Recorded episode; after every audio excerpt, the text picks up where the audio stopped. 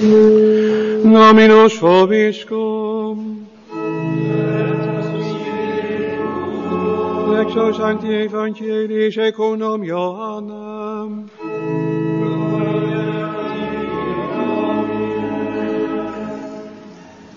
In die tijd zag Johannes de doper Jezus naar zich toe komen en zei, zie het lam Gods dat de zonde van de wereld wegneemt.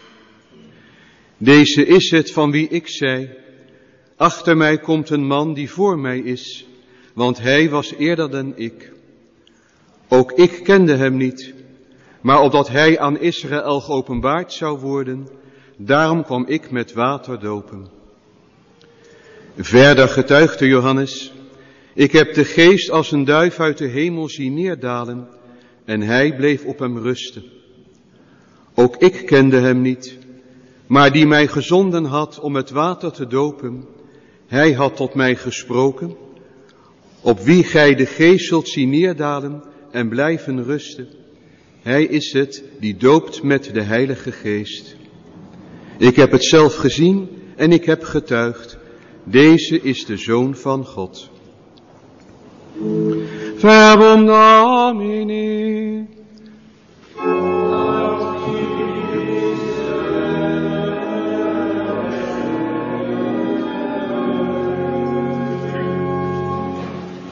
De gewone tijd door het jaar, de groene tijd. Het klinkt erg gewoon en het is zo anders dan die andere tijden door het jaar. De groene tijd, de tijd door het jaar, het lijkt daar maar gewoon te zijn. Die sterke tijden die zijn veel duidelijker. Dan leven we ergens naartoe. Naar de geboorte van Jezus, naar zijn verrijzenis, naar de uitstorting van de Heilige Geest. Of de weken daarna, dan leven we vanuit die heilsgeheimen. Maar dan is er dan weer die tijd door het jaar zo gewoon, alsof ook die weken daartussen opgevuld moeten worden. Lijkt een beetje alsof je op de snelweg zit en je ineens een heel lang rechtstuk moet rijden voordat je weer bij een stad komt. Maar zo is de tijd door het jaar natuurlijk niet bedoeld, deze gewone tijd door het jaar. Het is heel wijs van de kerk ons vele gewone weken in het liturgisch jaar te geven. Want ons leven bestaat voor een heel groot deel uit de gewone tijd. Ook daar zijn die bijzondere momenten maar onderbreking van een gewone gang in het leven. Met het werk, met de studie, met de routine. Elke dag lijkt een beetje op die andere dag gewone tijd door het jaar. En dat de liturgie die ook heeft, daarmee wil de kerk zeggen, maar ook die gewone tijd is een bijzondere tijd. Elke dag wordt ons gegeven als een geschenk, een geschenk van Jezus zelf. Een geschenk om te groeien in het geloof, een geschenk om te groeien in de heiligheid. Een geschenk om die dag op welke wijze dan ook mee te bouwen aan de uitbreiding van de katholica van de kerk. Ook onze gewone dagen zijn geschonken dagen. Er is een tegelwijsheid in onze Nederlandse taal, misschien ook wel in de Italiaanse taal. Een dag niet gelachen is een dag niet geleefd. U kent hem wel. En dat woordje gelachen kan je dan door van alles en nog wat vervangen. Een dag geen zo gegeten is een dag niet geleefd. En noem het maar op. Beetje merkwaardig, het is ook een beperkte definitie van leven natuurlijk, als het daarvan af moet hangen. Maar hoe zouden wij als katholieken dat invullen? Wat zouden wij dan zeggen? Misschien zouden we zeggen, een dag geen goede daad verricht is een dag niet geleefd. Dat klopt natuurlijk, maar katholiek zijn is wel even net ietsje meer dan padvinder zijn. Dus we moeten toch wat verder zoeken. Wat zouden wij als katholieken nou zeggen? Een dag niet gebeden is een dag niet geleefd. We komen een beetje in de buurt. Een dag Maria niet gegroet is een dag niet geleefd. Zeker, zo komen we steeds dichterbij waar het wezenlijk om gaat. En het gaat hierom voor ons als katholieken. Een dag Jezus niet ontmoet hebben, is een dag niet geleefd. Jezus ontmoeten, elke dag weer opnieuw. Of het nu sterke tijden in de liturgie zijn in het liturgisch jaar, of de gewone dagen in het liturgisch jaar. Jezus ontmoeten elke dag weer opnieuw. Maar wat betekent dat, Jezus ontmoeten? Het evangelie wijst ons de weg, want Johannes de Doper ontmoette Jezus. Jezus kwam naar hem toe, Johannes de Doper ontmoette hem. En dan zien we wat er bij Johannes de Doper gebeurt. Twee dingen. Twee dingen zijn anders bij Johannes de Doper na die ontmoeting met Jezus. Het eerste geeft hij heel duidelijk aan, want tot twee keer toe zegt Johannes de Doper, ook ik kende hem niet. Hij zegt het in de verleden tijd. Ik kende hem niet. Tot het moment dat hij Jezus ontmoette.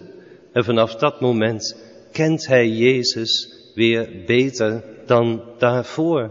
Hij spreekt in het verleden tijd. Hij kende hem niet. Toen ontmoette hij Jezus. Nu kent hij Jezus. Dat bewerkt ontmoeting met Jezus. Maar Jezus kennen is meer dan weten wie hij is.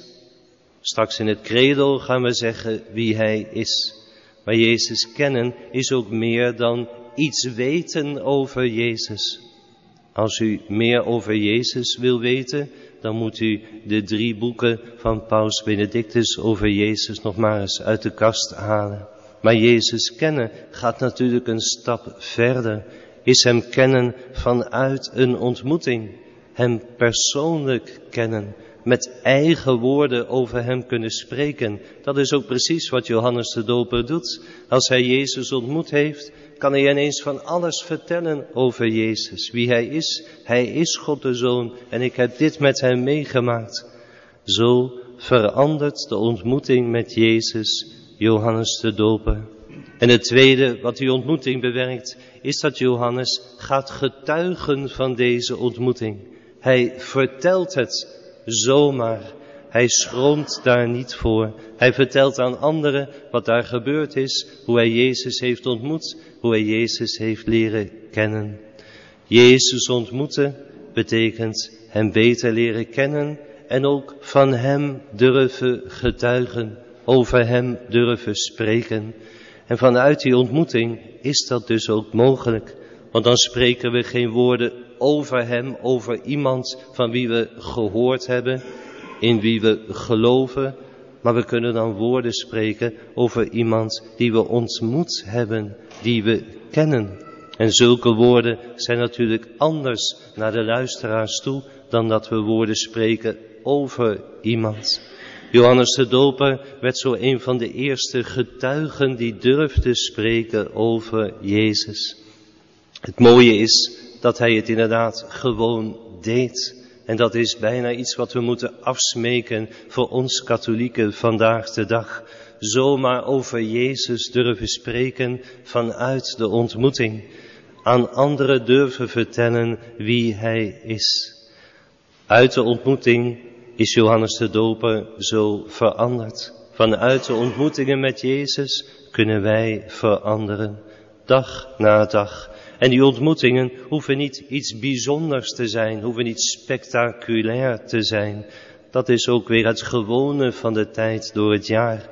Als ons hart er gevoelig voor wordt, zullen we elke dag weer momenten hebben waarin we Jezus op een speciale wijze ontmoeten, weten dat Hij er is. Dat sterkt ons geloof, dat leert ons meer over Hem en kan een bereidheid geven en ook de woorden geven om over Hem te getuigen. Maar we kunnen misschien zeggen, voor Johannes de Doper was dat toch wel een beetje makkelijk. Want hij zag Jezus daar naar zich toe komen. Hij kon Jezus in de ogen kijken. Hij hoorde Jezus spreken. Hij maakte daar die gebeurtenis mee rond het doopsel. Ja, dan is het makkelijk om te veranderen en over Jezus te spreken. Misschien is dat zo. De zusters Carmelites in de 16e eeuw zeiden dat ook tegen Madre Teresa van Avila. En ze zeiden tegen haar, moeder Teresa, in de tijd dat Jezus er was, was het allemaal makkelijker. Leefden wij maar in die tijd. Dan konden we Jezus zien en dan zouden we hem nog radicaler volgen.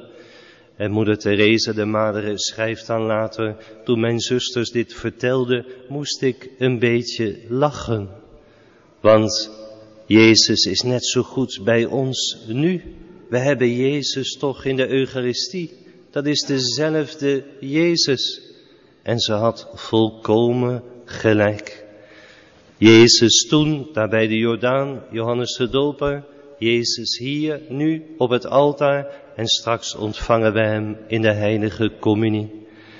In die tijd zag Johannes de Doper Jezus naar zich toekomen en zei, zie het lam Gods dat de zonde van de wereld wegneemt. Nog een paar minuten en dan zien wij Jezus naar ons toekomen. En klinkt ook hier, zie het lam Gods dat de zonde van de wereld wegneemt.